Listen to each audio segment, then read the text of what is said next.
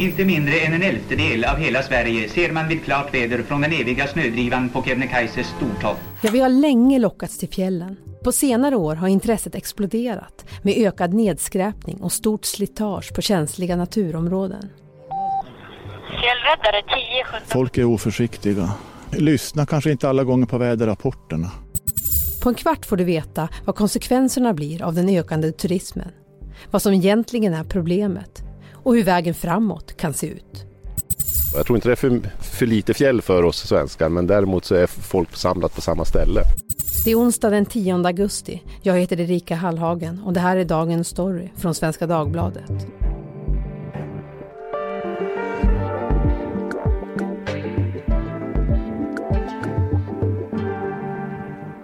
Therese Bergstedt, du är vetenskapsreporter på Svenskan och en inbiten fjällvandrare. Ja. Vi ska prata om fjällturismens baksida idag. Eh, hur har du märkt att turistandet har förändrats sedan du började ge dig ut i fjällvärlden? Jo men det är ju framförallt att det är mycket, mycket mer folk. Och det är ju både roligt men, men det innebär ju också en del negativt tyvärr. Ja, vad, vad, vad är det som är negativt? Ja men det är framförallt nedskräpningen skulle jag säga. Att det märks att det, det är hårdare slitage. Jag gick Jämtlandstriangeln för något år sedan. Det, det är som en motorväg nu istället för en, de stigar man är van vid. Att det är mer slitage på naturen och det är mer skräp. Och Jämtlandstriangeln är, Det är en av Sveriges mest populära vandringsleder som man startar i Storulvån och så kan man gå via Blåhammaren eller Sylarna. Så går man i en triangel. men på vilket sätt är fjällmiljön extra känslig? Ja men det är ju för att eh, det är väldigt mycket djur och natur som inte, som lätt blir stressade. Alltså rennäringen till exempel. Renar är ju jättekänsliga för, de ska helst vara i fred och särskilt när de får kalvar. Eh, så det är väldigt, och, och samma bortsliten mossa och, och sånt där, det återhämtas inte på samma sätt som som ah, på andra ställen så att man ska komma ihåg det att eh, fjällmiljön är väldigt känslig. Sen en annan sak som, som det som är väldigt unikt om man har vandrat i andra länder det är ju det här med att i Sverige så kan man dricka vattnet från jockarna, alltså från forsarna som man passerar och det är ju, ja jag har vandrat i flera andra länder, det är ju unikt.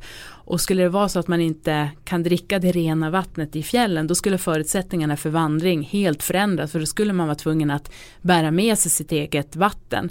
Då kanske vi skulle se som man kan se på Inkaleden och sånt där att man får hyra folk som bär grejer åt en. Sånt, sånt behöver vi ju inte i, i Sverige, tack och lov. Du talade om nedskräpningen, vad, vad har du sett när du har själv vandrat? Ja, nej men bland de värre saker jag sett är, är toppstugan nedanför Kebnekaise, syd och nordtoppen. Då finns det en liten toppstuga där och den är full av skräp. Eh, och när jag var där för några år sedan då berättade personalen att det är ett ökande problem att människor drar med sig en champagneflaska upp för att man, det, det har blivit en, en grej då att man ska gå upp på toppen och sen dricka champagne och sen orkar man inte släppa ner den igen utan lämna den i toppstugan.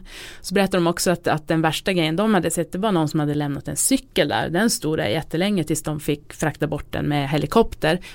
Och jag pratade också med några tyska turister som berättade att de hade blivit bjudna på, de hade tältat och blivit bjudna på lite sprit på kvällen innan av några trevliga tältgrannar och dagen efter så låg vodkaflaskorna kvarlämnade i eldstaden krossade.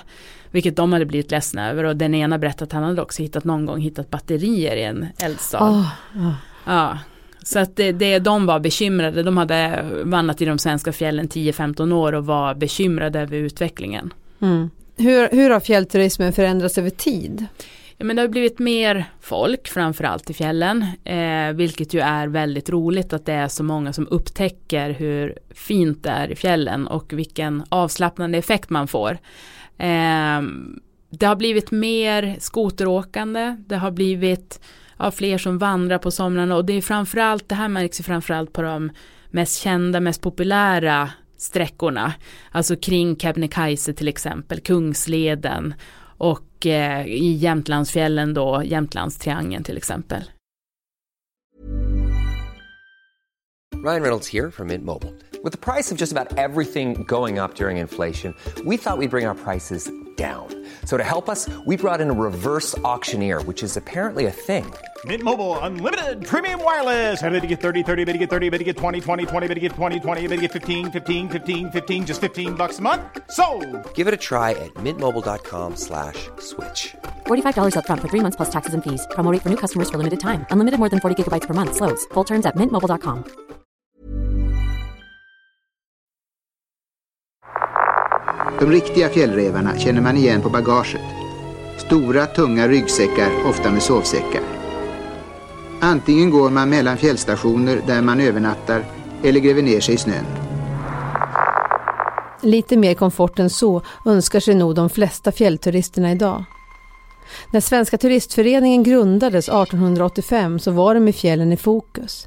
Tanken var att underlätta för vanligt folk att lära känna Sverige och standarden var enkel. Men redan från början var det den välbärgade medel- och överklassen som ägnade sig åt friluftsliv. Nu träffar vi på nästa slag av turister. De som vill avnjuta fjällvärlden i lagom proportion. Som åker skidor för motionens skull. Men för övrigt gärna vill ha samma komfort som hemma. De kallades luftgäster, gick på promenader i den vackra naturen och åt gott på pensionaten. Och att intresset alltjämt lockar ett liknande klientel vittnar inte minst alla friluftsbutiker runt Stureplan om. Coronapandemin innebar en boom för fjällturismen och nu nöjer sig resenärerna ofta inte enbart åt att vandra eller gå på tur utan tar sig an fjället med kajtutrustning, cykel eller så springer man. En cyklist sliter på ett sätt, en löpare sliter på ett annat sätt och en vandrare på ett tredje sätt. Och de tre tillsammans de gör ju att erosionen på backen här blir ja, jättemycket mer än vad vi hade tidigare. Numer erbjuder många aktörer helikopterfärder och skoterturer. Och sovsalar och gemensamt kök har blivit till bäddade sängar och trerätters, även i väglöst land. Ett exempel på det här lyxturistandet är Sylarnas fjällstation i Jämtland. Där har man nyligen byggt om det stora självhushållsköket mm. till, till en restaurang. Är det ett tecken i tiden? Ska säga? Ja, det ser man ju på flera håll. Även Kebnekaise har ju, där har de ju byggt ut jättemycket för att det är sånt enormt eh, tryck. Och återigen, jag tycker det är superkul att det är så många som vill upptäcka fjällen. Men eh, till exempel i Kebnekaise, där hade man ju problem eh, första pandemiåret till exempel med att folk lämnade tält. Hur mycket tält som helst som bara lämnades och någon måste ju plocka upp det här och man kan inte bara lämna tält i naturen. Jag vet inte, jag gick mulle när jag var liten, jag vet inte om det är det som sitter i. Ja, det, man ska inte slänga främmande saker i naturen. Kolikok, jag är också mullebarn. Jag, jag är med dig i detta. Nu har vi pratat mycket om slitaget på sommaren, men hur ser det ut på vintern då? Ja men där har det ju ifrågasatts av bland annat av samebyar det här med heliskiing. Det är ju en jättekänslig fråga att man åker upp med helikopter på en topp, blir avsläppt och åker ner. Jag som är off-piståkare, jag förstår ju verkligen tjusningen med det där. Men det stör rennäringen. Så det, det är en sak. Sen är det ju också det här med skoteråkandet i de svenska fjällen. Som också är omdiskuterat. Man får ju vara på vissa leder och i alla fall i, i Kiruna fjällen. Där jag brukar vara mycket. Där, där är otroligt mycket trafik på just de ställen där man får köra. Eh, och det är ju också någonting som har diskuterats mycket och ifrågasatts av framförallt av samebyarna. Vem är det som tjänar på det här då? Ja men det är väl lite eh, svårt. Det finns, alltså det är ju framförallt STF har ju, alltså Svenska turistföreningen som äger de här fjällstationerna. De, de eh, drar ju nytta av att det är fler eh, besök, större besöksantal och även andra eh, turistföretag. Så att det är ju många som nu kan bo och leva i fjällmiljö tack vare att det är fler som vill komma, komma dit och, och det är ju bra. Det blir varmare i de svenska fjällen med färre snödagar. Det här påverkar alla näringar i trakten, kanske mest renägande samer. Det ändrade klimatet stressar både renarna och själva fjällnaturen. Det är faktiskt här i norra Sverige som medeltemperaturen ökat mest. Och till detta kommer den ökande närvaron av turister under en allt längre tid av året. Jag tror att vi kommer att se ökade konfliktytor och jag tror också att, att inte bara i fjällen utan generellt sett den här turismen, det finns liknande diskussioner som ni har vad det gäller skärgården, i skärgårdsöar och den typen. Man delar hela tiden utrymme med någon annan Och de här utrymmena man delar, de blir mindre och mindre. Det här är Jenny Wik Karlsson, ordförande i Svenska Samernas Riksförbund till SVT. 2023 löper arrendet ut för fjällstationerna Sylarna och Blåhammaren i Jämtlandsfjällen. Länsstyrelsen som prövar tillståndet ska främst ta hänsyn till hur väl turismen funkar ihop med den lokala rennäringen. Det kan också bli aktuellt att dra om vissa ledsträckor. I vissa fall så har det gått så långt förstår jag att man har varit tvungen att avliva renkalvar. Hur kommer det Ja, de har, de har alltså hamnat själv.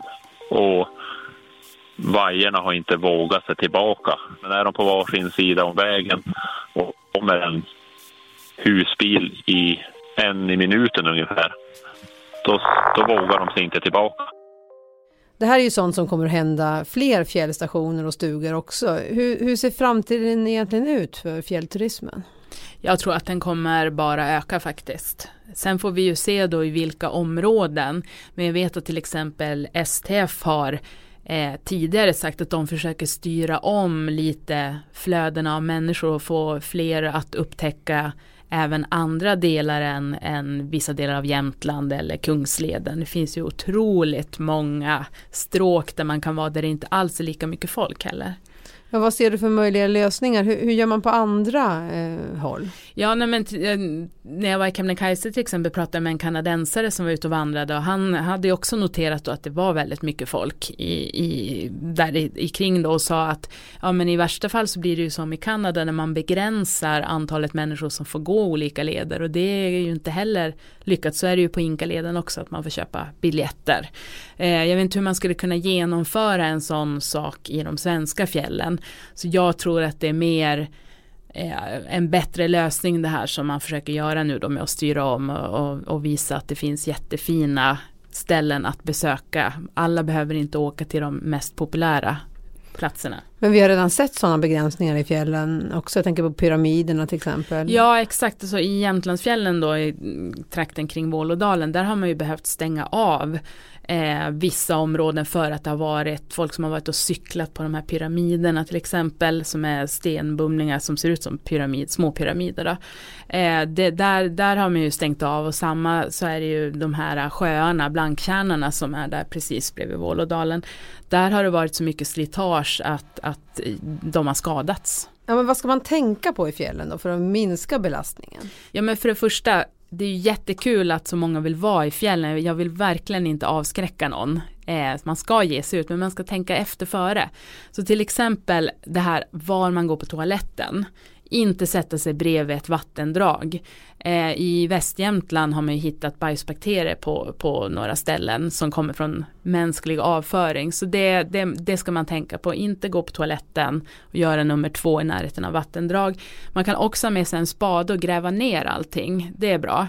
Och sen toapapper, eh, det är ju egentligen kanske inte jättebra att slänga i fjällen men det finns biologiskt nedbrytbart som man kan köpa. Men sen framförallt att det man har med sig, eh, ha en särskild påse där man samlar skräp och annat och så eh, får man räkna med, gör plats i, i väskan för att räkna med att du kommer behöva bära med dig eh, skräp. Och sen håll avstånd, spring inte om man ser rena ska man låta dem vara på fjället, fota dem på avstånd, gå inte nära.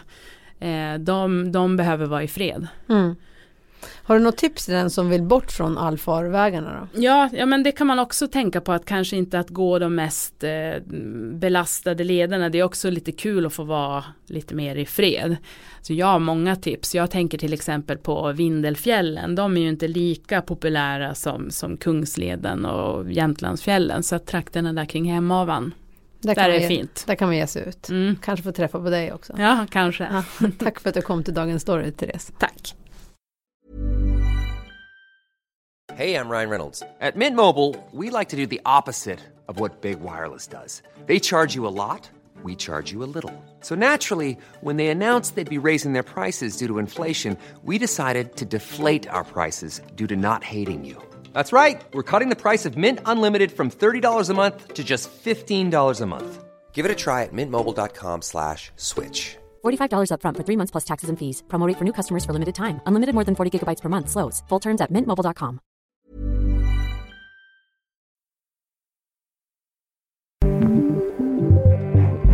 Du har lyssnat på Dagens Story från Svenska Dagbladet.